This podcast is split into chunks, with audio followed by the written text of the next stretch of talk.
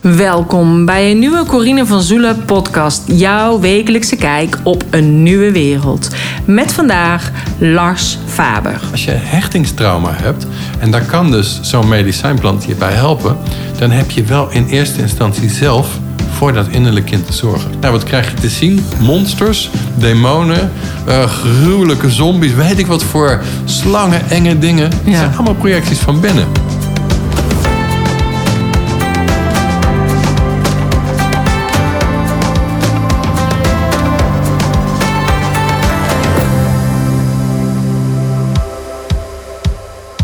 Ja, welkom. Want in deze uitzending van de Corine van Zoelen podcast interview ik Lars Faber. En Lars is breathwork coach, codependency coach, auteur van 12 en bijna 13 boeken. En hij is al een heel leven gefascineerd in de menselijke psyche, emoties en de werking van het menselijke lichaam. En Lars heeft zijn ervaring niet alleen uit een boekje en opleiding opgedaan. Als ervaringsdeskundige heeft hij diepe dalen gezien Geboren en opgegroeid in een dysfunctioneel gezin kreeg hij herhaaldelijk te maken met depressie, verslaving en hechtingsproblematiek. En het pad van zelfontwikkeling was eigenlijk onontkomelijk. En zijn levensmissie werd om zoveel mogelijk mensen te helpen met emotioneel ademwerk, dus echt met traumaverwerking, waarbij hij inmiddels meer dan 20.000 mensen mocht begeleiden. En pas later ontdekte hij dat codependency de grondslag ligt aan de meeste van deze patronen. En met kennis hierover kon hij de weg naar de heling pas echt gaan inzetten. En dat was een proces dat nog altijd verder gaat en verdiept. Ik wens je heel veel luisterplezier met deze podcast. Meer informatie over deze podcast en over Lars vind je op de show notes pagina www.corinevanzoelen.nl slash podcast-191. Veel luisterplezier. Vandaag ben ik in Den Haag. Welkom bij, uh, bij Lars Faber in zijn huis. Dus uh, leuk dat je in mijn podcast bent. Ja, welkom hier. Ja, super tof. En uh, ik vond, zei al tegen het was een hele mooie reis hier naartoe. Omdat mm. het via een andere manier was dat ik naar Den Haag reed dan anders. Dus dat vond ik al, al heel erg leuk. Um, wij kenden elkaar nog niet persoonlijk. Maar we kenden wel een beetje dezelfde VA's. Ja. Dus via die manier zijn we eigenlijk met elkaar geconnect. Dus uh, hartstikke leuk. En zou jij jezelf even kort willen voorstellen? Oh jee. Nou, ja, kort. Lars Faber dus, 53 nee. jaar. Ik ben uh, getrouwd met Tanja, 18 jaar. We zijn 19 jaar samen. We twee onwijs leuke jongens van uh, 15 en 16. Mm -hmm. Eentje bijna 17. En uh, ja, ik werk nu zo'n 20 jaar in het veld van persoonlijke ontwikkeling. werk vooral met trauma. Ik, ik leid mensen op zelf. Ik coach zelf niet meer, maar ik leid mensen op tot coach. Ademcoach in dit geval. En ik schrijf boeken. Daar heb ik er nu twaalf van geschreven. En ik ben met de dertiende bezig. Die wil nog niet helemaal vlot op het moment. ja, dat is, dat is het een hele grote lijn. Ja. Ja, want over dat boek, dat heb ik al een paar keer voorbij zien komen. Ook in je YouTube-filmpjes. Ja, het is nu heel warm. Ik ben nu bezig Absoluut. met, me, met mijn boek. Maar sommige boeken die komen er heel snel uit. En sommige hebben een langere start nodig. hè? Ja, ja, en ik schrijf ook echt alleen maar als de flow er is. Ja. En dan moet ik dat, daar heb ik nu ook in de gaten. Dan moet ik niet te hard voor werken. Moet ik even wat dagen vrij voor maken. En dan echt gaan zitten. En dan, dat klinkt heel gek, maar echt wachten tot die inspiratie komt. En ja, dus ik had 180 pagina's. Ik denk, nou, dat is eigenlijk al een boek, weet je. Ja. Even het laatste stukje schrijven en, oh, toen viel het stil. Ja. Ja, en is dat niet frustrerend of zo? Of je weet het inmiddels omdat je meerdere boeken hebt Het geschreven? is frustrerend, omdat er een uitgever in mijn nek zit van wanneer is het klaar. Er zit een marketingbureau, kunnen we, uh, noem maar op, snap je? Dus, Ja. uh, maar ik moet dan echt zeggen, oké, okay, misschien volgend, volgende zomer pas. Terwijl Ja. ik het inderdaad aangekondigd heb als bijna af. Ja. nou ja, maar soms heb je dat inderdaad. Hè? En soms komt het leven tussendoor. En dan heb je ook Ja. dat er weer andere dingen inderdaad voorrang hebben. En ik moet ook zeggen, dit is ook een, uh, een moeilijk thema. Mhm. Het is een lastig thema, het is een complex thema. Je ziet hier naast mij, hè, dat heb je een schatkaart van de ziel. Nou, Ja. Dat kunnen jouw kijkers natuurlijk niet horen. Nee. Maar dit is een hele uitgebreide beschrijving van ja, je val in de wereld. Eigenlijk een tarotdek. Mhm. Tot en met wakker worden, ontwaken. Ontdekken met wat voor gekke eigenschappen je allemaal behept wordt. En waar je allemaal tegenaan loopt. Hè. Dus daar gaat die schatkaart over. En uiteraard over het schaduwwerk en traumawerk. Dat zit Ja. helemaal in de diepte van de schaduw. En probeer dat maar eens gewoon goed te beschrijven in, in Jip en Janneke taal. Want dat wil ik altijd. Ik wil mensen echt gewoon ja, ingewikkelde thematieken op een simpele manier uitleggen. Mhm. Niet omdat ik ze onderschat, maar omdat ik zelf al deze dingen bestudeerd heb. En soms na een boek lezen met ingewikkelde termen dacht, maar wat heb ik nou eigenlijk gelezen? Ja. Je? Het, het, het resoneert ergens wel, maar ik kan het niet, ik kan niet eh, hoe noem je dat, integreren in mezelf. Ja, en dan, dan eer in de juiste woorden te In de pakken. juiste woorden. Nou, je hebt mijn filmpjes ook gezien. Ja. Ik werk, eh, dat is mijn eigen YouTube-kanaal, daar werk ik met archetypes en plaatjes erbij. Dus zo'n simpele beelddenker ben ik zelf. Als ik een plaatje Mhm. Ja. zie, gaat er een hele wereld in mij open. Lees ik het, dan denk ik, ah, oké. ja. En dan wordt het inderdaad alweer makkelijker. Ja. Ja, want op jouw eh, YouTube-kanaal, en het is inderdaad een podcast ook, daar behandel je dus bepaalde vragen van, eh, van Onder mensen. andere. En vertel je ook gewoon eh, Ja. ja, heel veel andere dingen, Ja, zag ik. zeker. Ja. ja, mensen komen op basis van die eh codependency model heb ik ontwikkeld. Eh, daar, ja, daar herkennen ze in. Het is een gratis challenge, kunnen ze meedoen. Zien ze vier filmpjes, lezen ze een e-book. En dan gaat er voor heel veel mensen al een soort waas weg. Wat ik zelf ook heb ervaren een aantal jaar geleden. Van, damn, that's me. Hè, dan, dan komt er een soort eerste herkenning van, ah, oké... Nou, die mensen die nodig ik uit. Stuur je casus maar in. Hè. Vertel maar iets over het gezin van herkomst, de relaties waar je in zit, de patronen waar je tegenaan loopt. En op basis daarvan, samen met het testje wat ik heb ontwikkeld, kan ik vrij goed duiden waar je, ja, waar je dus eigenlijk steeds onzichtbaar tegenaan loopt. Ja. Ja, want dat is ook heel mooi, want dat kun je dus gewoon downloaden op jouw website. Dus dat kan ik ook wel in de show notes eh, nog verwerken. ja, ja. Dus dat ze dat ook kunnen aanvragen. En, eh, en ook jouw YouTube-kanaal. Want het is natuurlijk wel super interessant om dat eigenlijk te volgen. Juist Ja. als je inderdaad ook dingen van jezelf daarin herkent. Ja, zeker. Ja. en de mensen zijn er uitgenodigd, maar dat is allemaal gratis. Dus dat, eh, ook die testjes Ja. en de uitslagen en de hele mikmak. Dus, Ja. Want hoe is, ben je daar nou zelf bij, bij terechtgekomen eigenlijk? Ik bedoel, ik heb natuurlijk al dingen gelezen, maar ik weet natuurlijk niet of mijn luisteraars dat eh, weten. Maar hoe is dat bij jou dan, dus twintig jaar geleden, zei je net ongeveer, Ja. eh, die reis begonnen? Ja, ja, ja. Ja, het, het zijn eigenlijk twee speurten zeg maar, van, eh, van bewustwording. De eerste twintig jaar geleden had met verslaving te maken. Ik was ernstig verslaafd aan noemde substantie. Behalve heroïne heb ik zo'n beetje alles geprobeerd op deze aardbodem wat er los en vast zat. Maar ook snoepen, koffie, eh, eten, werk, seks. De hele mikmak. No- Noem een verslaving en ik had hem. En ik was toen eh, met Tanja. We, we hadden een voornemen om kindjes te gaan krijgen. En ik had echt zoiets ja, maar dit wezen hier... hoe moet dit in godsnaam ooit vader gaan worden? Ik had echt gewoon, ja, het klinkt heel rot... maar zero verantwoordelijkheidsgevoel. Ik had een soort afscheid genomen van het leven. Lang leven de lol. En ik wilde dolgraag vader worden. Dus daar ben ik toen eigenlijk als eerste mee aan de slag gegaan. En dan ja, ik wil bijna zeggen, dan kom je. Maar dan, toen kwam ik, laat ik het Ja. zo zeggen. Hè, toen kwam ik dus geconfronteerd met... oh, maar wacht even, ik kan nog helemaal niet voor mezelf zorgen. Hè, dus ik heb zelf eigenlijk brandende verwondingen. Nou, die doof ik met al die verslavingen, al die bezigheden. Noem maar op. Ja, en daar is eigenlijk het hele proces mee begonnen. Ja.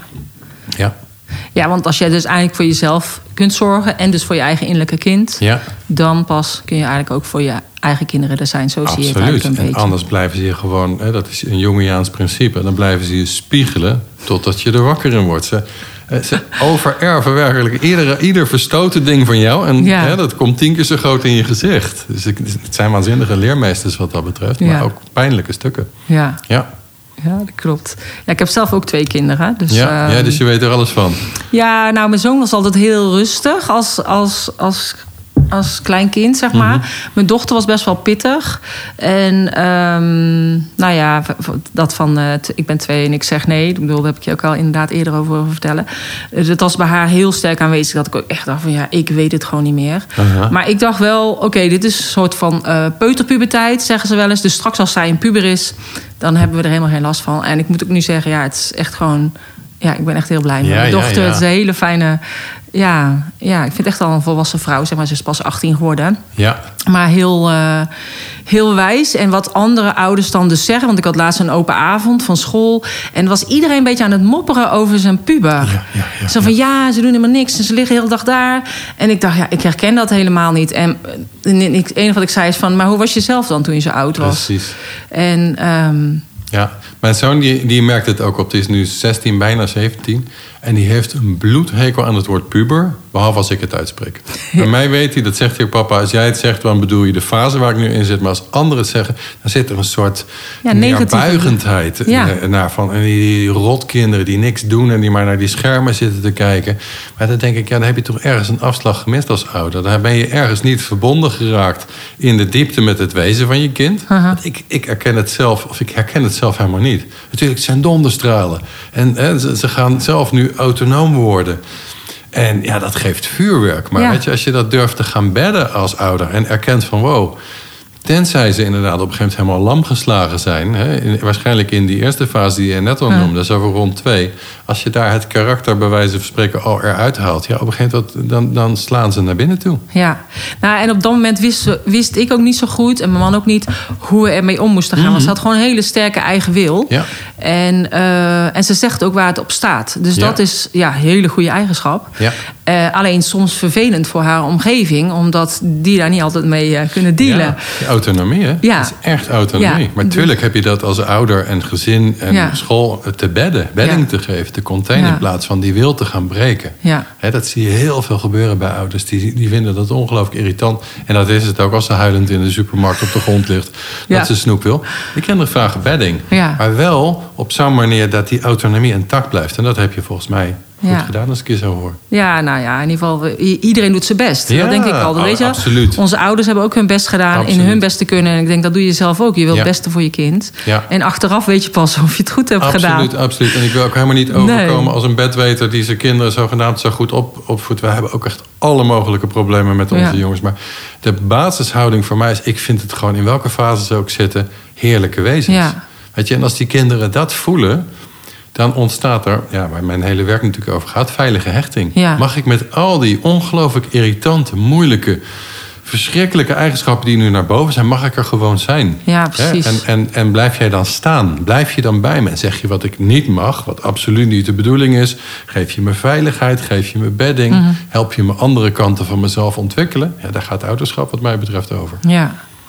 ja, maar het is wel een grote uitdaging soms. Het is een mega grote uitdaging. absoluut, helemaal mee eens.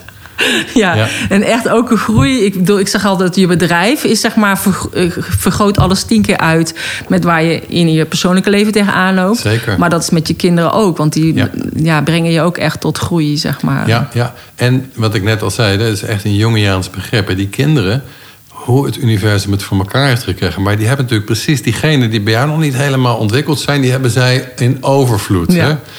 Ja, ga dat dan maar eens inderdaad. Dan moet je dus gedrag gaan neerzetten wat je zelf niet hebt ontwikkeld. Bijvoorbeeld dat begrenzen. Ja. Je zo'n zo'n ongelooflijk eh, autonoom wezen.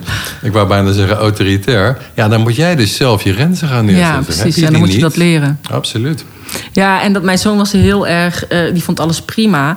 Maar die, die moest dus elke keer ook inderdaad een beetje tegen haar op. Of, zo. of ja, in ieder geval zijn plek veilig eh, stellen. Mhm. Terwijl zij jonger was. En toen dacht ik ook altijd, ja, het is alleen maar fijn dat hij dat gewoon inderdaad hier thuis kan doen. Omdat hij. Eh, dan in een veilige omgeving voor zichzelf kan opkomen. Want straks in die buitenwereld, dan moet hij dat, eh, Ja, moet hij dat ook natuurlijk. ja, ja, ja. ja, dus, ja. ehm, nou ja, in ieder geval alleen maar leuk. Hey, En als, eh, als je dus nu kijkt, want ik zie dus dat heel veel mensen in mijn omgeving, maar dat is natuurlijk ook een beetje mijn bubbel, zijn eigenlijk allemaal bezig met die traumaverwerking. Of met eh, dingen vanuit hun jeugd of dat innerlijke kind. Ehm, ja, naar mijn idee is dat dus ook nodig om door te gaan naar die nieuwe wereld. Ehm, eh, zodat je eigenlijk ook niet inderdaad je kinderen belast met je eigen stukken of met de stukken van je voorouders. Ik weet niet hoe jij dat eh, ziet. Ja, dat, maar dat is wel hele grote stappen snel thuis. Hè? Dan, dan, je hebt in eerste instantie voor je eigenlijke innerlijke kind te gaan zorgen... zodat je autonoom gaat worden en authentiek. Mhm. En dat je echte verbindingen aan durft te gaan. En dat is ook waar mijn werk over gaat. Dat is waar die codependency-patronen over gaan. Want als we dat dus niet hebben geleerd in de jeugd... als we niet van die begrenzende, liefhebbende, welkomheidende ouders hebben gehad... dan ga je patronen ontwikkelen... waardoor je in een bepaalde hypnosestand komt.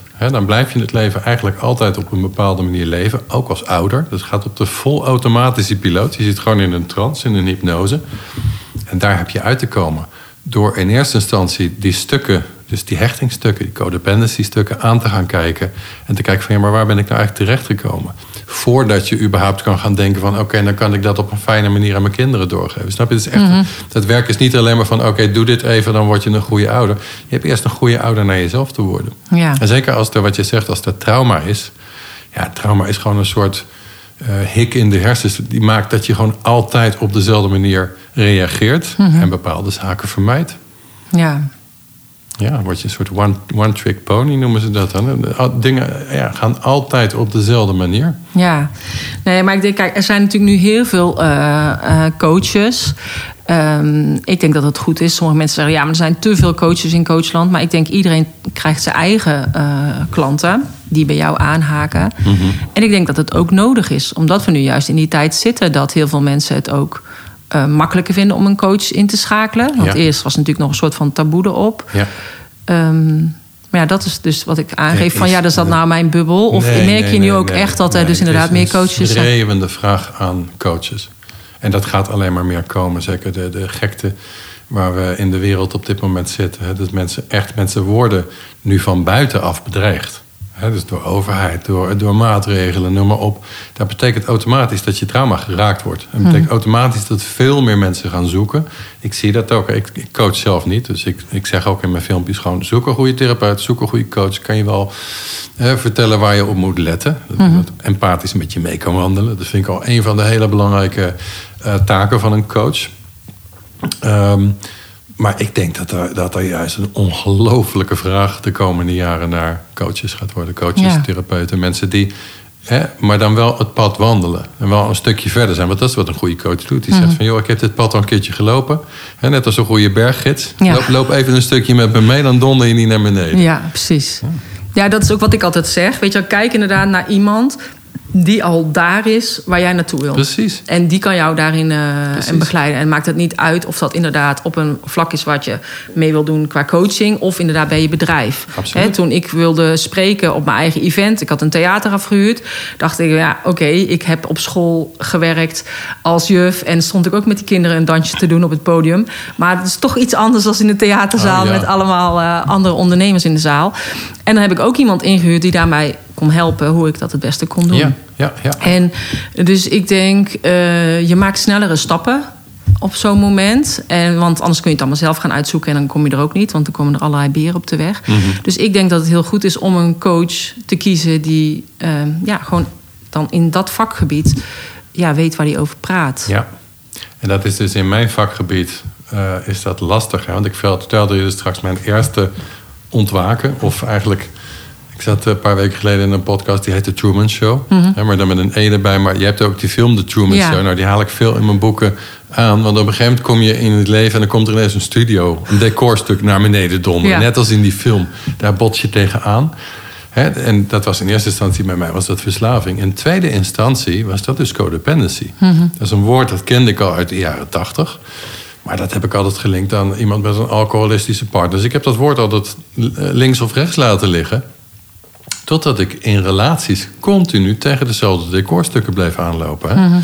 En uh, ja, dat is dus op een gegeven moment daar dan onderzoek naar gaan doen. En dan ontdek je dat er dus helemaal niet zoveel over bekend is. Vooral niet in Nederland. En zeker niet in de GGZ. Mhm. Dus waar veel mensen die een coach of een begeleider zoeken... gaan ze daar in eerste instantie... nou dan niet naar een coach, maar een Ja. therapeut of een psycholoog of een psychiater. Maar daar is hier gewoon nog niet zo heel veel bekend over. In Amerika wel, daar zijn ze al een heel stuk verder. Daar ben ik ook echt te raden gegaan. Van wie kan me hier iets over vertellen? Dus in Nederland is dat best moeilijk zoeken Mhm. naar een goede coach die hier dus al zijn sporen in heeft gemaakt. En nogmaals, ik doe het niet, dus ga mij alsjeblieft niet mailen van wil je me begeleiden?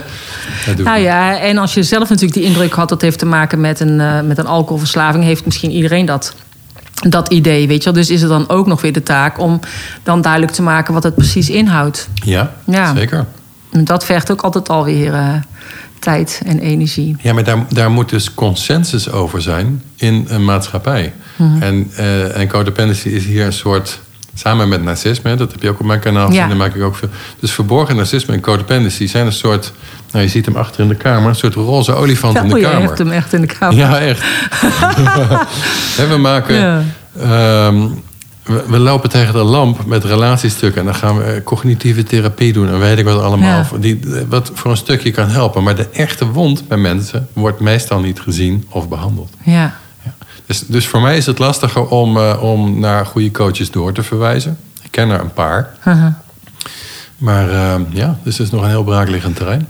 Ja, want ook dat denk ik van hoe vind je de goede. Hè? Want er zitten natuurlijk. Ja, je hoort natuurlijk ook heel veel dingetjes van ja, deze coach die gaat daarmee aan de haal of daarmee aan de haal. Tenminste, dat zijn ook sommige dingen die ik zie. Mm ja, ik probeer eigenlijk gewoon inderdaad altijd bij mijn gevoel te blijven. Om dan te voelen van dit klopt wel of dit klopt niet. Ja. Maar ik kan me ook voorstellen dat als je juist heel erg zwak bent. Uh, want ja, als je bijvoorbeeld echt inderdaad een bepaald probleem hebt, dat het dan juist lastig is om ook op je gevoel te kunnen vertrouwen. Zeker, zeker, zeker. De hele gevoelswereld is afgesloten. Ja. Juist als je codependent bent, dan zit je in gedragspatronen. En ga je of heel aardig doen, mhm. of je gaat heel lief doen, of je gaat heel beleefd doen, of je gaat anderen uh, pleasen, noem maar op. Hè, waardoor je niet bij jezelf bent. Ja, ga dan maar inderdaad eens een keertje goed naar je gevoel leren luisteren. Dat is heel lastig. Ja. ja. Maar goed, het, het, het vak waar ik in werk, hè, dus het, het werken met trauma. En, en, ehm, en, en, met name je gedragspatronen doorzien. Dan heb je dus een coach nodig die en empathisch met je mee kan lopen, maar ook kan zeggen: hé, hey, wat je daar doet is niet zo handig. Mhm. Stop daar maar mee. Dus gewoon heel hè, duidelijk zijn voor het patroon wat je hebt ontwikkeld, de hypnose waar je in zit. Daar moet iemand je uit wakker kunnen maken. En dan empathisch naar de kwetsbaarheid gaan kijken. Ja. Ja. ja, en uiteindelijk zaten we natuurlijk bijna allemaal in een soort van hypnose. En zijn heel veel daarvan hebben dat natuurlijk nu ook al uh, ja, doorbroken. Ja, zijn mensen massaal wakker aan het worden ja, nu. Dus dat is, ja... Ook door de druk van buitenaf, waar we het net over hadden. Je, je, moet wel wakker worden. Ja, het kan haast niet anders. Nee. Dus en uh, ik denk nu nog steeds van... Ja, nu, nu zien mensen het toch, maar het blijft gewoon nog steeds uh, heel bijzonder ja. fenomeen. Ja, want ik zag, je had ook een boek over de Matrix. Ik zie hem daar ook nog liggen. Ja, ja, ja. Dat ik inderdaad ook op jouw site zien staan. Dus... Um, ja, dat is een boek, uh, dat heb ik echt uit lol geschreven. Ik was toen zwaar depressief in Drenthe. En ik vond er geen bal meer aan het leven. Ik lag maar een beetje zoals Byron Katie op de bank. dat ook gehad, zo'n periode. En toen dacht ik van, ja, maar hoe kom ik hier nou uit? Oh, wacht even, ik heb mijn ziel weer te volgen. Dat leer ik al die mensen toch? Ah ja, hoe doe ik dat dan, weet je? Ja. En ja, schrijven. Maar ik had net twee boeken geschreven. De Gewijde Reis en De Helderreis. Die zijn echt mega, mega, mega goed verkocht. En heel goed verspreid overal. Dus ik had zoiets, ja, moet daar wel weer aan voldoen. Hè? En daar had mijn ziel dus... Nou, je hebt net al een beetje gehoord hoe ik schrijf. Ik schrijf vanuit de flow van wat er komt. Mijn ziel had daar geen zin in. Nee. Dus ik moest een afspraak met mezelf maken. Je mag alles schrijven wat er in je opkomt. Dus in plaats van, oh, mensen moeten het wel interessant vinden. Denk aan je reputatie. Dus dit is echt een boek. Het is een gestoord boek geworden. Met allemaal gedachten, experimenten en bommen in je, in je mentale constructen, noem maar op. Weet je. Dus uh, ja. Ja, hij heeft ook een beetje een donkere voorkant. Oh, absoluut, absoluut. Ja. ja. dus, maar, en, want je hebt dus inderdaad heel veel boeken geschreven.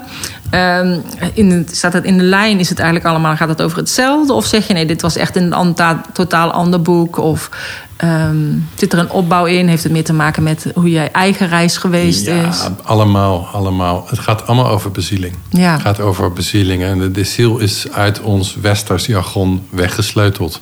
Ja, psychologie betekent ook eigenlijk de wetenschap van de ziel. Ja. Nou, ga eens met een psycholoog over de ziel praten. Die, die kijkt je glazig aan en zegt: Gaat het wel goed met u, mevrouw? Ja. Of meneer? dus daar gaan, daar gaan mijn boeken over. Terugvinden van bezieling. Ik heb ook op, samen met Tanja een kookboek geschreven, dat zie je. Dat is inderdaad een hele andere fase. Waarin ik dacht van, het wordt er ook wel eens een keertje tijd om goed voor mezelf te zorgen. Nou, dat doet Tanja ook. Daar hebben we gewoon een mooi receptenboek van gemaakt. Maar dat is even zo'n zijspoor. De meeste boeken gaan over bezieling. Ja. ja. Ja, want als je dus zeg maar... Kijk, natuurlijk bij de ayahuasca, dan kom je ook bij die ziel natuurlijk. Ja. Weten jouw luisteraars wat het is? Um, dat weet ik eigenlijk niet. Ik heb, nee, ik, zou, ik heb nog wel een afspraak met iemand die ook over de ayahuasca gaat vertellen, maar die is nog niet geweest. Oh, maar ik neem aan van wel, maar je kan er anders kort over vertellen. Dat is wel ja, leuk. nee, het is meer gewoon zo'n woord wat eh, toen wij ermee begonnen, toen ik ermee begon, zeg maar, ik heb een reis gemaakt, toen 19 jaar geleden was de eerste keer. Toen was er niets over bekend, toen kende het niemand. En ik denk als je hier over straat loopt en je zegt het tegen een paar mensen, dat ze ook weer glazen gaan kijken. Ja, dat is waar. Dat denk ik ook inderdaad. het is een shamanistische medicijnplant. Hè. De, de moeder der medicijnen wordt die ook wel in het mhm. Amazonegebied genoemd. En dat is een hele intense ervaring als je daar het brouwsel van drinkt. En dat is ook niet voor de, voor de, de lichthartige, zeg maar. Ja, je, je moet het echt wel durven. Of er moet iets met je aan de hand zijn waarvan je voelt... ik wil gewoon een, ja, hmm. Hoe, hoe zeg ik dat? Even een reset. Goed vervasten een aantal uh, dagen van tevoren. Ik adviseer een week. Normaal gesproken, als mensen bij, uh, bij de gewijde reis, dat is mijn andere bedrijf, komen. Daar hebben we dat soort ceremonies aangeboden. Daar wordt gezegd drie dagen, maar een week vast is veel beter. Dan ben je al zo ja, geschoond en dicht mhm. bij jezelf. En dan krijg je een, uh, ja, een krachtige ervaring met een medicijnplant. De NTO-middel noem ik het in mijn boeken. Mm Wordt ook wel psychedelisch middel genoemd. Mhm. Ja. Ja, nou ja, ik denk gewoon, uiteindelijk ze zeggen altijd dat ayahuasca jou je roept natuurlijk. Dus vandaar dat ik denk, is het altijd goed om het inderdaad even kort uit te leggen. Want wie weet dat iemand denkt, ah, daar hebben we het weer. Dus, ja. Maar, het kan een soort kosmische reset zijn. Ja. Dus daarom gebruik ik het woord in mijn eerste boek ook entheogeen. Entheogeen betekent de God in zichzelf. Uh dat, en dat is bezieling, dat is wat we kwijt zijn geraakt in deze westerse wereld. We hebben God op een gegeven moment buiten onszelf ergens aan het einde der tijden geprojecteerd. Als je heel braaf en, uh, en goed gedraagt. Op een wolkje. Ja, ja, Met een hele lange dan baard. misschien het koninkrijk in. En met de grote mystici, Christus en Rumi, die zeggen ook van God zit in jou. God zit in jou. Ga het koninkrijk maar binnen. Word weer als kinderen. Daar komt hij. Ja. Dus dan komen alle sporen bij elkaar. Word weer als kinderen. Ja, wordt weer bezield. En dat is wat zo'n medicijnplant kan versnellen. Het is niet wat de plant doet, maar als je daar dus zelf al mee bezig bent en je bent nederig genoeg, dat doe je onder andere door dat vasten. Vast is een vorm van nederigheid. Ja. Dus echt je, ja, jezelf helemaal ontdoen van voeding maakt je heel kwetsbaar maakt je eh, dat alle emoties en zo al boven komen. Dus de eerste beschaam, beschermlagen, beschaamlagen wou ik zeggen. Mooie verspreking. De eerste beschermlagen die gaan er van af. ja, en dan gaat zo'n medicijnplant die gaat je resetten. Die gaat je gewoon laten zien van... hé, hey, wacht even, hier zit nog trauma, hier zit nog pijn, hier zit nog verdriet. Ja. Ja, maar ook daarin denk ik, er zijn natuurlijk nu ook heel veel mensen die het doen als een soort van quick fix. En terwijl ik dan denk van ja, dan heb je niet echt eerbied voor de plant. Ja. Ik heb het zelf nog nooit gedaan hoor. Het is wel mhm. dat ik denk, nou, misschien ga ik het wel ooit doen, maar. Um, nou, gewoon nu nog niet. Het is geen quick fix. Nee. Het is eh, de ondertitel van mijn boek. Dan ligt hier ook. Um, de pelgrimstocht naar de ziel. Ja. dat is, nou, dan zou er moeten staan de quick fix in uh, drie dagen of wat dan ook. Ja. Een pelgrimstocht is ook iets waar je goed op voorbereidt. En waar je echt met heel veel eerbied en respect naartoe gaat werken. He, Paulo Coelho heeft er prachtige boeken over geschreven. De, die reis naar Santiago. Ja. Waar die echt gewoon stap voor stap voelt en ervaart. Zo werkt een medicijnplant. Ja. Die gaat je in de vertraging brengen. In de vertraging uh, die heel intens kan zijn. Maar in die vertraging ga je dingen over jezelf ontdekken. Die je niet in de druk, druk, druk, druk van alle dag leert kennen. Nee, want als mensen dus bijvoorbeeld dat zouden willen doen... Uh, zou je dan ook denken van oké, daar dat is wel waar je op moet letten om daar naartoe te gaan. Want ja, het is best kwetsbaar. Sommige mensen die, die kunnen zich van alles nog herinneren... Um, Tenminste, ik, ik hoor heel veel mooie verhalen van mensen, maar ook wel een beetje doen dingetjes van mensen. Dus ja, ik denk het is wel. Ehm, ja, je moet het wel uh, doen bij de juiste. Maar nu zie je er zoveel. Ja. Dat je dan denkt inderdaad, wat, wie is dan de juiste? Is dat dan iemand die inderdaad... Met die coach. Ja, is dat dan iemand... coach zoekt, ja. Hè? ja. Ja, maar goed, daar, daar ga ik niet over bij wie je het beste zou kunnen doen. Ik, waar ik mijn boek toen over heb geschreven is hoe je mindset moet zijn. Ja. En, en ik koppel daar dus ehm, in tegenstelling tot de klassieke leer. Ga bij een shaman, die gaat prachtige Icaros zingen, noem maar op. Maar de meeste shamanen die zijn niet ehm, afgestemd op de westerse mindset. Die mhm. weten ook niet wat hechtingstrauma is bijvoorbeeld. Hè. Dus de, Um, wij hebben veel shamanen ook in, in Gasselt. We hebben een spiritueel centrum gehad in Drenthe. We hebben veel shamanen te gast gehad. Ja, die werken gewoon met hele andere, uh, andere stukken van de ziel. Met krachtdieren, met de voorouders. Ook allemaal prachtig. Maar als je hechtingstrauma hebt... en daar kan dus zo'n medicijnplant je bij helpen... dan heb je wel in eerste instantie zelf... voor dat innerlijk kind te zorgen. Uh als jij daar een goede uh, relatie mee opbouwt... een goede stevige verbinding mee opbouwt... en dat doe je weken, maanden jaren over. Dan kan zo'n medicijnplant enorm behulpzaam zijn. Want dan gaat het de trauma's die bij dat innerlijk kind horen naar boven brengen. Die kan je gaan processen. Daar heb je ook inderdaad een goede begeleider uh, voor, uh, bij nodig... die dat soort processen aan kan. En, en dan wordt het een... Nee, dat zeg ik verkeerd. Dan kan het een hele vruchtbare ervaring zijn. Ja. Als je het inderdaad zo doet als jij, een quick fix. En er zijn aanbieders die bieden dat. Dan kom je s'morgens binnen, twee uur later, eh, je doet nog even net nog een deelrondje. En twee uur later zit je aan de drank, aan de ayahuasca. Ja, dat, dat kan gewoon hopeloos verkeerd gaan ook. Want dan worden er trauma's aangeraakt waarbij je je en al helemaal niet veilig voelt in een groep. Dus daar heb je in eerste instantie uh, je hebt veiligheid in de groep, bij een aanbieder, noem maar op. En dan kunnen die stukken die ooit weggestopt zijn bij gebrek aan veiligheid, kunnen naar boven komen. Omdat die herkennen van oké, hier is het wel, oké, hier is het wel veilig. Ja, ik denk dat dat het belangrijkste is, dat je inderdaad veilig voelt. Ja. En ik heb ook inderdaad bij sommigen gezien, ja, we doen het in een klein groepje van 16. Hoor. Dan denk ik, oh, dat vind ik nog steeds heel erg veel. Maar dat is misschien maar mijn ding. de grootte van de groep maakt niet eens uit. Nee, we maar... hebben destijds met de gewijde reis hebben we retreats gegeven... waar deden 100 mensen aan mee. Mhm. En als dat 100 mensen zijn die met zichzelf en met elkaar verbonden... dan zou je het met duizend kunnen doen, bij wijze van. Hè? Mhm. de, de, de grootte van de groep maakt niet uit. Het gaat erom, kun je kwetsbaar zijn? Ja. Kun je bij je meest angstige stukken zijn? Kan je daarover praten met anderen? Kan je daar voorwerk in doen? En wij deden ook altijd ademwerk eerst. Hè? Dus waar ik nu in gespecialiseerd ben. Om die hele grove, heftige emoties die van binnen vastzitten... alvast in beweging te brengen. Als je daar vertrouwd mee bent in jezelf... Mhm. dan wordt zo'n medicijnplant vruchtbaar. Dan kun je, nou, want dit is namelijk wat die plant in jou gaat doen. Die gaat eigenlijk, als ik een metafoor mag gebruiken... die gaat kerosine in je brommertje doen. Ja, en als je heel goed op dat brommertje kan rijden, prima. Maar het kan ook zomaar zijn dat het veel te hard gaat. Omdat je die emotionele stukken die al in jou vastzitten... nog Ja. zelf niet hebt uh, gereleased en onder je hoede hebt. Ja. Begrijp je wat ik bedoel? Ja. Dus dan, dan, dan, die plant gaat dat allemaal tegelijk losweken. Dan krijg je projecties. Want mensen die zeggen altijd, ja, ik zie dan allemaal dingen. Alles wat je ziet in zo'n reis zijn projecties van binnen. Ja.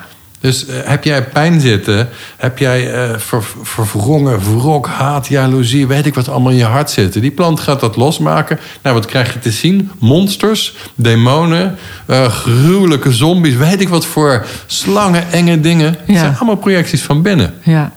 Nou, als je dat weet en als je daar dus goed in begeleid wordt. Ik hoef alleen maar tegen iemand te zeggen. Die komt, "Ah, ik zie allemaal monsters. Ik hoef alleen maar te zeggen, althans destijds toen ik dat begeleidde.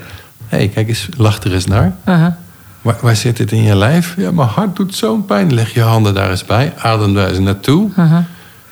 Oh, wacht even. Nou, ze glimlachen terug naar me. Snap je? En dat bedoel ik met projecties. Dat Ja. lees je al, ik weet niet of je het uit hebt bestudeerd... maar in het Tibetaanse boek van Leven en Sterven. Van Sogyal Rinpoche.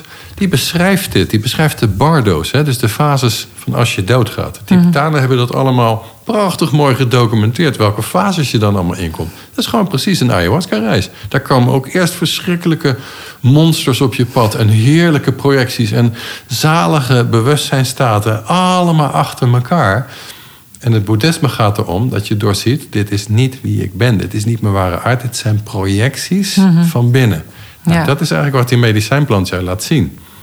En daar moet je wel goed in begeleid worden. Dan moet je niet een of andere fake guru hebben... die, eh, die met zijn wierookje zit en eh Omani Padme Hum aan het, aan het chanten is... terwijl jij daar in de meest gruwelijke projecties ligt. Ja. Dan moet jou daar doorheen gaan helpen. Want Ja. het is kindtrauma wat boven komt. Ja, het is precies. kindtrauma in actie. Maar daarom, maar dat kun je alleen maar achterkomen door het te doen. Dus ja, of inderdaad ervaringen te horen van anderen. Van, eh, eh, Vraag iemand maar gewoon. Weet Ja. je. Als, je, als je daarna informeert, hoe gaan jullie hier om met trauma en hoe begeleid je dat? En eh, heb je er opgeleide mensen in? En ja.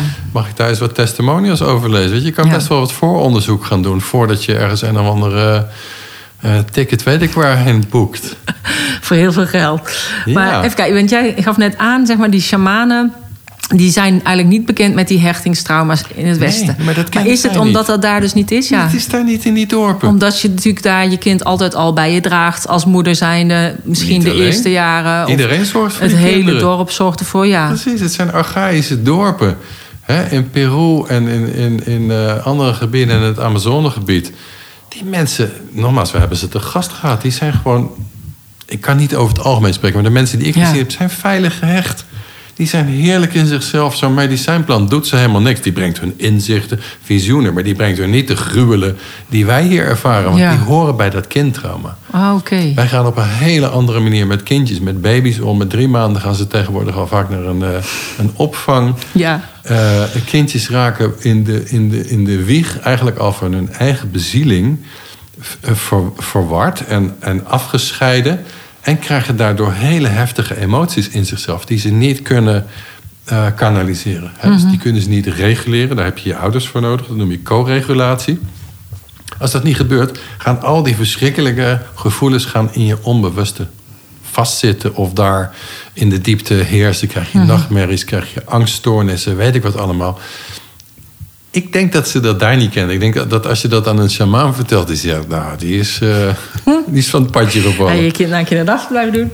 Ja, ik, wij hebben ze ook altijd gewoon thuis gehouden. Maar het was ook gewoon... Ja, we hebben daar zelf voor gekozen. Ja. Uh, en dacht van, nou, dan kunnen we daarna altijd weer met z'n tweeën gaan werken. Maar nu blijf ik inderdaad gewoon thuis voor de kinderen. Je kan tegenwoordig bijna niet meer anders. Nee, precies. De, huizen zijn onbetaalbaar, het leven is onbetaalbaar geworden. En de, de, kinderen worden eigenlijk... Of ouders worden gedwongen om kinderen al heel vroeg in de opvang te doen. Maar het is niet goed voor de hechting. Nee. Het is absoluut niet goed voor de hechting. Nee.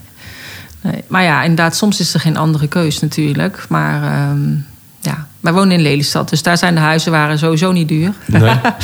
maar ook toen we daar nog niet woonden, hadden we dat al, eigenlijk al besloten. Dat uh, inderdaad uh, dat we dat zo deden. Dus ik vond dat gewoon zelf veel prettiger. Ik, vond, ik, moet er niet aan denken om ze weg te moeten doen, zeg maar. En, en dat klinkt dan misschien een beetje raar wegdoen. Want, maar ik dacht van ja, ik, ik wil gewoon zelf uh, bij mijn kinderen zijn. Dat is gewoon zoals ik Maar besef dat dit een maatschappelijke wond is. Het is een collectieve verwonding in het Westen. Mensen worden steeds verder van hun ziel verwijderd. Dan komen ze op een gegeven moment bij een behandelaar... bij zo'n GZ-instelling of wat dan ook... En daar word je het ook weer niet op gewezen wat nou de werkelijke aard van je trauma is. De werkelijke aard van je trauma zit hem in de hechting, zit hem in je, wat ik in mijn nieuwe boek ga noemen, in je natuurlijke goedheid. dus de goedheid van de ziel, goedheid van je hart. Het klinkt een beetje als een EO-praatje. Eh, maar het is, het is een bekend fenomeen. In de mystiek, in het boeddhisme. Uh, in boeddhisme wordt het genoemd je Boeddha-natuur. Mhm. In, het, uh, in, de, in de gnostici, die zeggen het is je Christus je Christus hart of je Christus natuur of de Christus ziel, hoe je het ook zou, hè? het Christus bewustzijn, maakt niet uit hoe je het noemt, maar er zit iets in jou wat van nature goed is. Mhm. En op het moment dat je veilig hecht, dan ben je daarmee versmolten. Dan heb je gewoon de goedheid in je hele systeem. Op het moment dat je het waar we net over hadden, bijvoorbeeld al met drie maanden naar zo'n crash gaat, en mama is er niet om je te spiegelen en je veiligheid te geven en leuke liedjes met je te zingen en met je te spelen, waardoor hechting tot stand komt. Daardoor ontwikkelt ook die rechter hersenhelft niet helemaal goed. En dan, dan komen dus die, die gevoelens van vervreemding van die natuurlijke goedheid, inclusief de angsten en de hm. boosheid en het verdriet, alles daaromheen, komt vast te zitten van binnen. Dan raak je afgesloten. Mm Het is collectieve wond. Ja zielig eigenlijk. Het is hartstikke zielig. Ik vind, ik vind het echt, eh, ja, absoluut heel zielig. Voor heel veel kindjes. Nee, maar ook, weet je, omdat ik jou natuurlijk al eerder hoorde. En jij zei van, uh, ja, met die trauma's. En dan, dan lijkt het ook net alsof inderdaad iedereen een trauma heeft als jeugd. Terwijl ik heb zelf het idee dat ik een hele fijne jeugd heb gehad. Ja. Ehm, terwijl ik ook wel in sommige dingen wel iets herkende. Uh, dus dan denk ik van ja, heeft niet iedereen iets? Maar ja, uiteindelijk blijkbaar dus niet uh, bij, die, bij die shamaan in het dorp. Hmm. Maar ja, doordat je het inderdaad nu weer aanhaalt van die kinderdagverblijven... dan denk ik van ja, hebben dan dus niet alle kinderen ehm, een, al een trauma? Heel veel. Ja. Heel veel. Maar kijk naar het wereldbeeld. Ja. Dat is voor mij de enige manier hè, om, om, om uh, hiermee om te kunnen gaan. Is om dat te beseffen. We zijn gewoon massaal van het padje afgeraakt. We zijn massaal van, van onze harten afgeraakt. Van dus echt veilige hechting. Mhm. Empathie hebben voor elkaar. Nou, dat heb je natuurlijk de afgelopen paar jaar meegemaakt. Hoe hard de wereld is geworden naar elkaar. Hoeveel dualiteit, hoeveel de polariteit er is tussen mensen. En mensen kunnen nog maar heel weinig hebben van elkaar. Dat komt gewoon puur omdat we in een hele grote samenleving wonen met veel te veel mensen. Als je mhm. vanuit de evolutionaire psychologie daarnaar kijkt, dan zijn die archaïsche culturen, dat zijn dorpen van 100. Maximaal 200 mensen. Dan heb je het wel eens een beetje gehad. Dan ken je iedereen. Mhm. dan, voel je, dan voel je je veilig. Als het goed is in zo'n dorp, dat is jouw plek, dat is je veilige basis. Nou, als ik, je bent hier in Den Haag dan bij mij. Als ik hier door de binnenstad loop. Zelfs mijn zoon van 16 heeft dat ook. Zegt, papa, er is hier niemand die leeft, zegt hij dan. Ik zie bij niemand de twinkeling in het oog. Mensen lopen als zombies over straat. En dat is een, een registratie van een 16-jarige. Mhm. Ja, ik zou het ook kunnen denken. Ik heb dat ook al heel lang als ik door de stad loop. Denk ik, mijn god.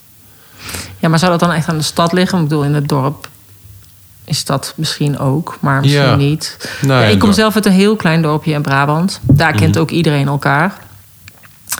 Uh, wordt er ook heel veel over elkaar gekletst. Ja, ja, ja. Dan heb je andere dingen. dus dan heb je dat. En in Lelystad is wat dat betreft ook eigenlijk een dorpje. Ken, ken je ook wel heel veel elkaar. Maar uh, ja, en ik woon nog in een, in een centraal woongroep. Dus mm zeg maar met 32 woningen, maar iedereen heeft gewoon zijn eigen woning. Begeleid wonen? Nee, het is niet begeleid wonen, zou je wel denken.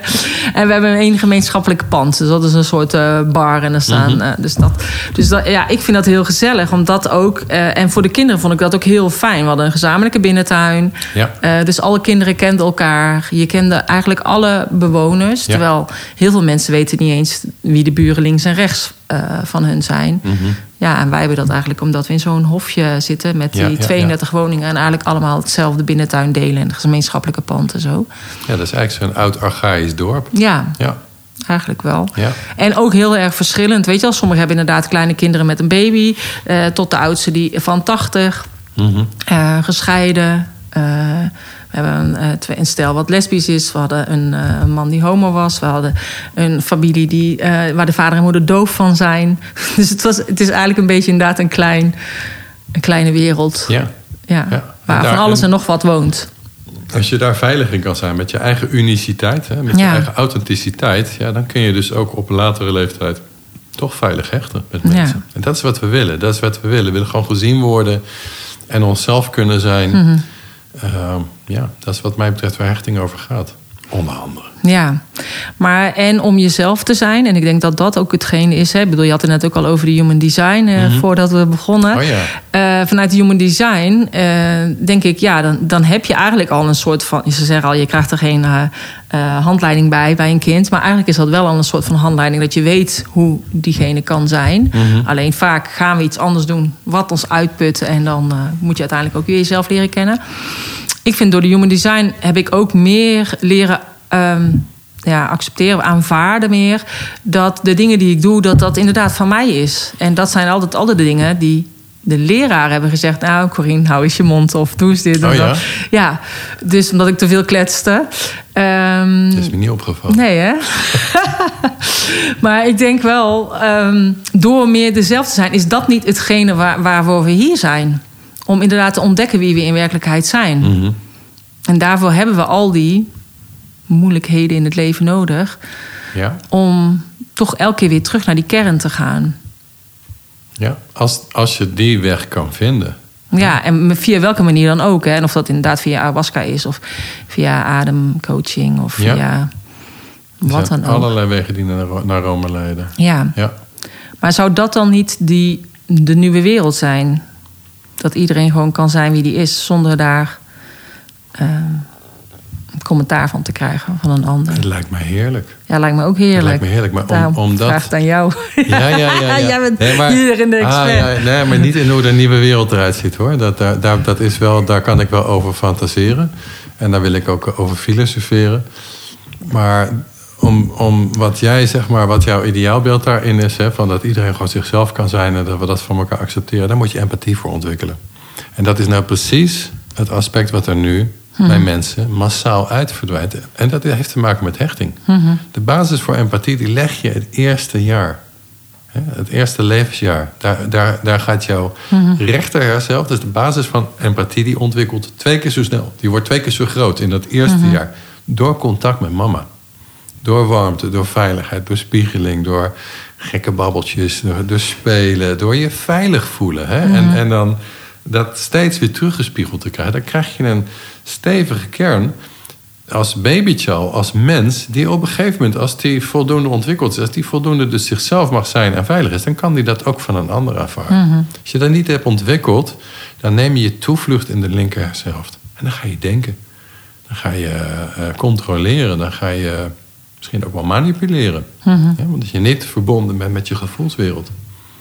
En ik denk dat dat, vind ik, een van de sterke dingen van de medicijnplanten.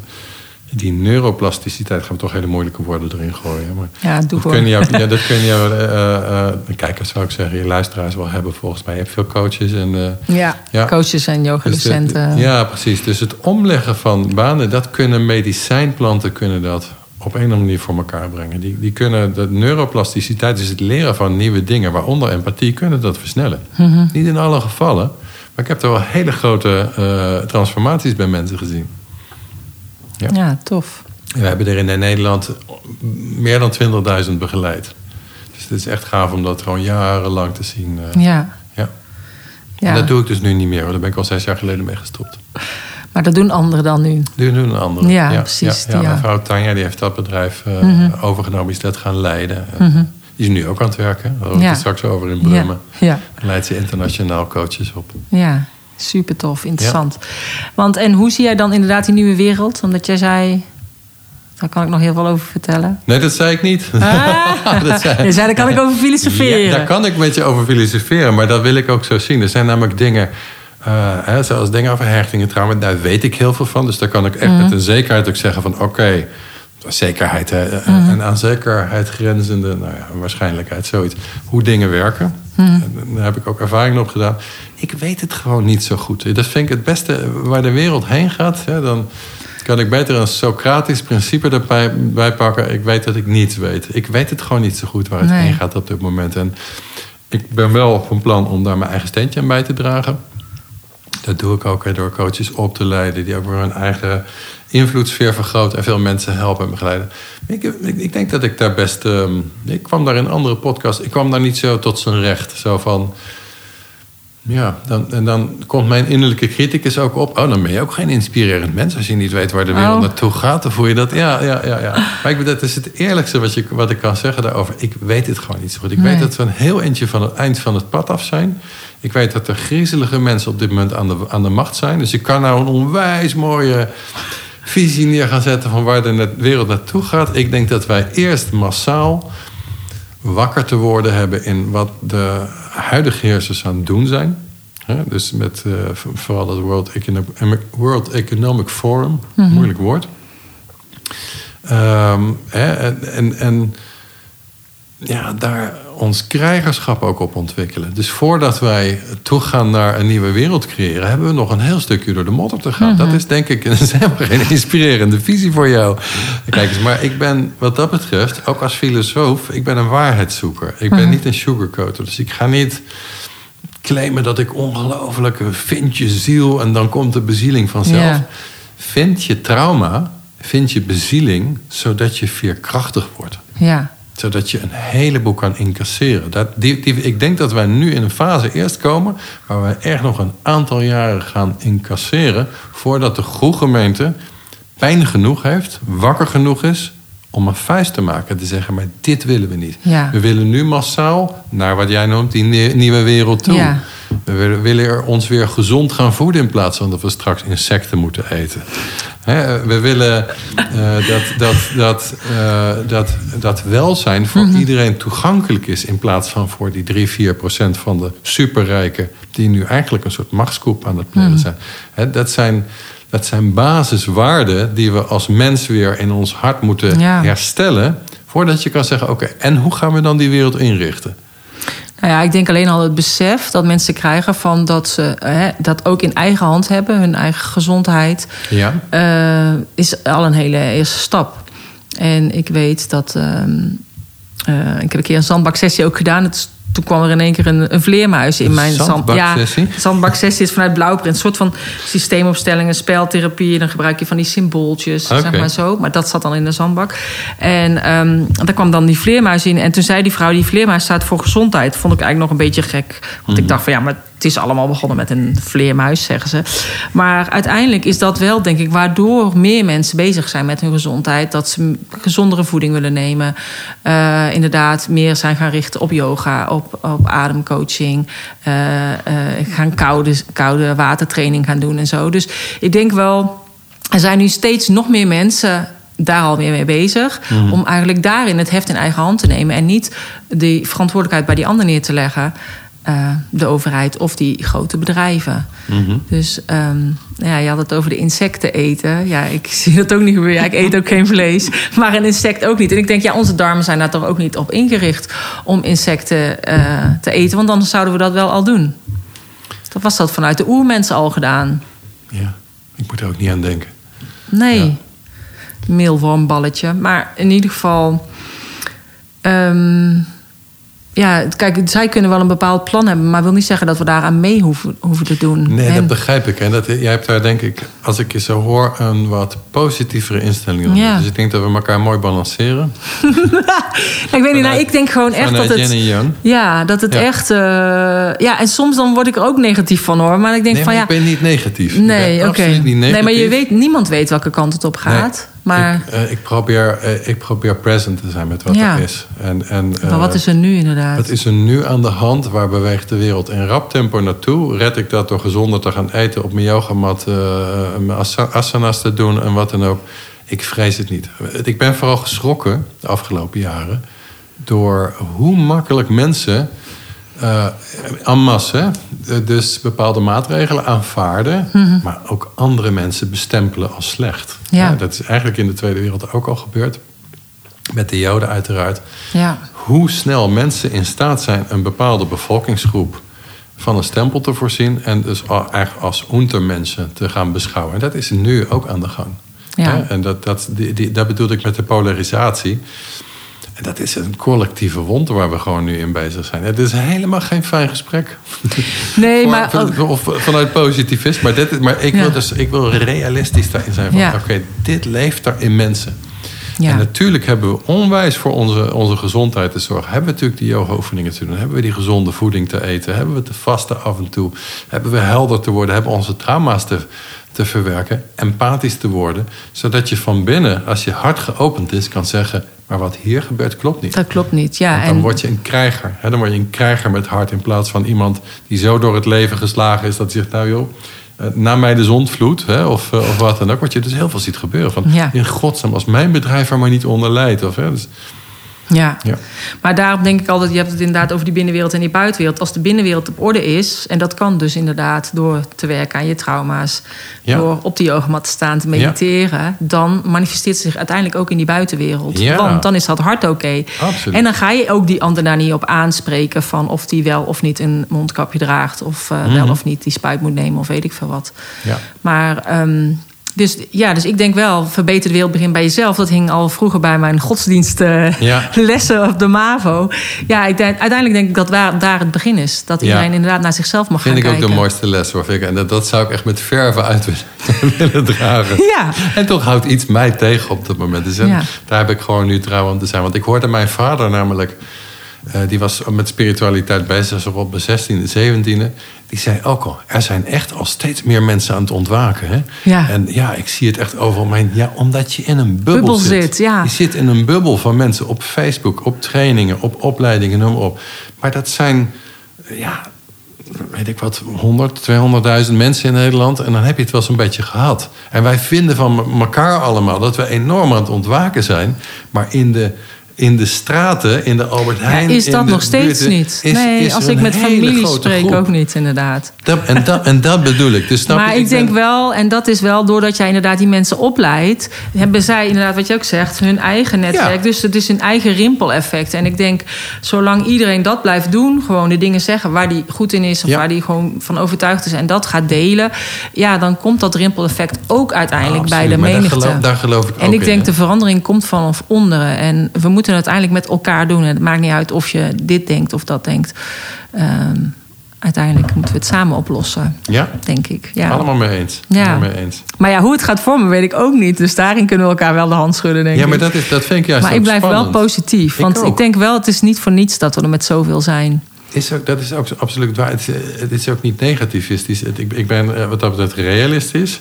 Zodat ik mezelf ook echt kan openen voor wat er te doen staat. Ja. En daardoor ook juist gezond heb te worden. En te blijven van oké, laten we de komende jaren maar eens even de schouders eronder gaan zetten. Weet je wat we allemaal op ons afgevuurd krijgen. Ja. Zodat we dat ook echt kunnen gaan Kunnen handelen. eh, kunnen ook handelen. mentaal, ja. Mentaal, emotioneel. Als je al uitgeput bent emotioneel, en dat gebeurde in die, in die coronacrisis natuurlijk ook. Daar, daar Mhm. zijn ongelooflijk veel mensen. Als je al getraumatiseerd bent, dan, ra- nou, nou, krijg je er gewoon een paar beslissende klappen nog na. Ja, Kom, precies. kom je die weer te boven, word je veerkrachtig. Word je die krijger met dat hart die gewoon zegt: stop hiermee. Mhm. Ik wil niet dat kindjes geïnjecteerd worden. Ik wil niet dat kindjes al met mondkapjes rond moeten lopen. Weet je, dat zijn, al- ik wil niet dat, dat, dat oude mensen in eenzaamheid sterven. Dat, zijn, er gebeuren verschrikkingen. Ja. En daar wil ik ook gewoon niet voor wegkijken. Nee. Daar, heb je gewoon dus, daar heb je echt in wakker te worden. En in eerste instantie de verschrikking in jezelf te zien. En daar dus in kwetsbaarheid mee te mhm. gaan verbinden. Zodat dat hart ook echt weer gaat resoneren. In plaats van dat het al, al platgeslagen is en niet meer mee kan voelen. Nee, precies. Ja. Ja, nou mooi. Nou, ik weet niet of er nog iets dat je denkt... oh, dat zou ik ook nog heel graag willen vertellen. Dan ben je vergeten te vragen. Nee hoor, nee. Volgens mij zouden wij hier dagenlang samen ja, dat over denk ik ook. praten. En dat, geeft mij ook weer nieuwe, nieuwe inzichten. Juist om hier... Dat zei ik aan het begin, ik heb geen riedel. Ik kan niet een praatje dat al jouw luisters denken... goh, wat een inspirerend mensen. Dit is voor mij gewoon de waarheid van dit moment... Weet je, en ik nodig ook mensen echt uit om hun eigen waarheid te vinden. Dat is waar dit over gaat. En de waarheid die resoneert in je hart. Daar kan je van voelen van oké, is waar ik mee verbonden ben. Is dit, is dit echt? Ja, klopt het of, of is niet? het een idee? Ja. ja. Ja, en ik denk als iedereen inderdaad meer bij dat hart uh, verbonden is, hè, of met het buikgevoel, ja.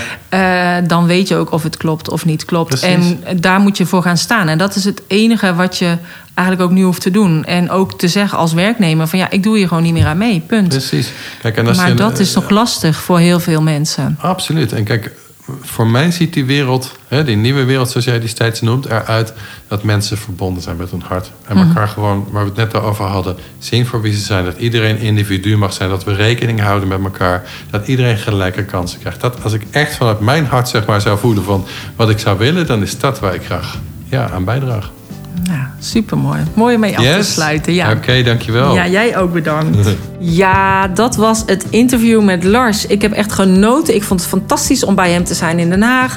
Uh, mocht het zijn als jij nou denkt, ik wil meer over hem weten. Ik wil die test gaan doen.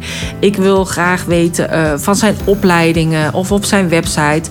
Check dan de show notes pagina www.corinevanzoelen.nl slash podcast 191. Dankjewel voor het luisteren en graag tot een volgende keer.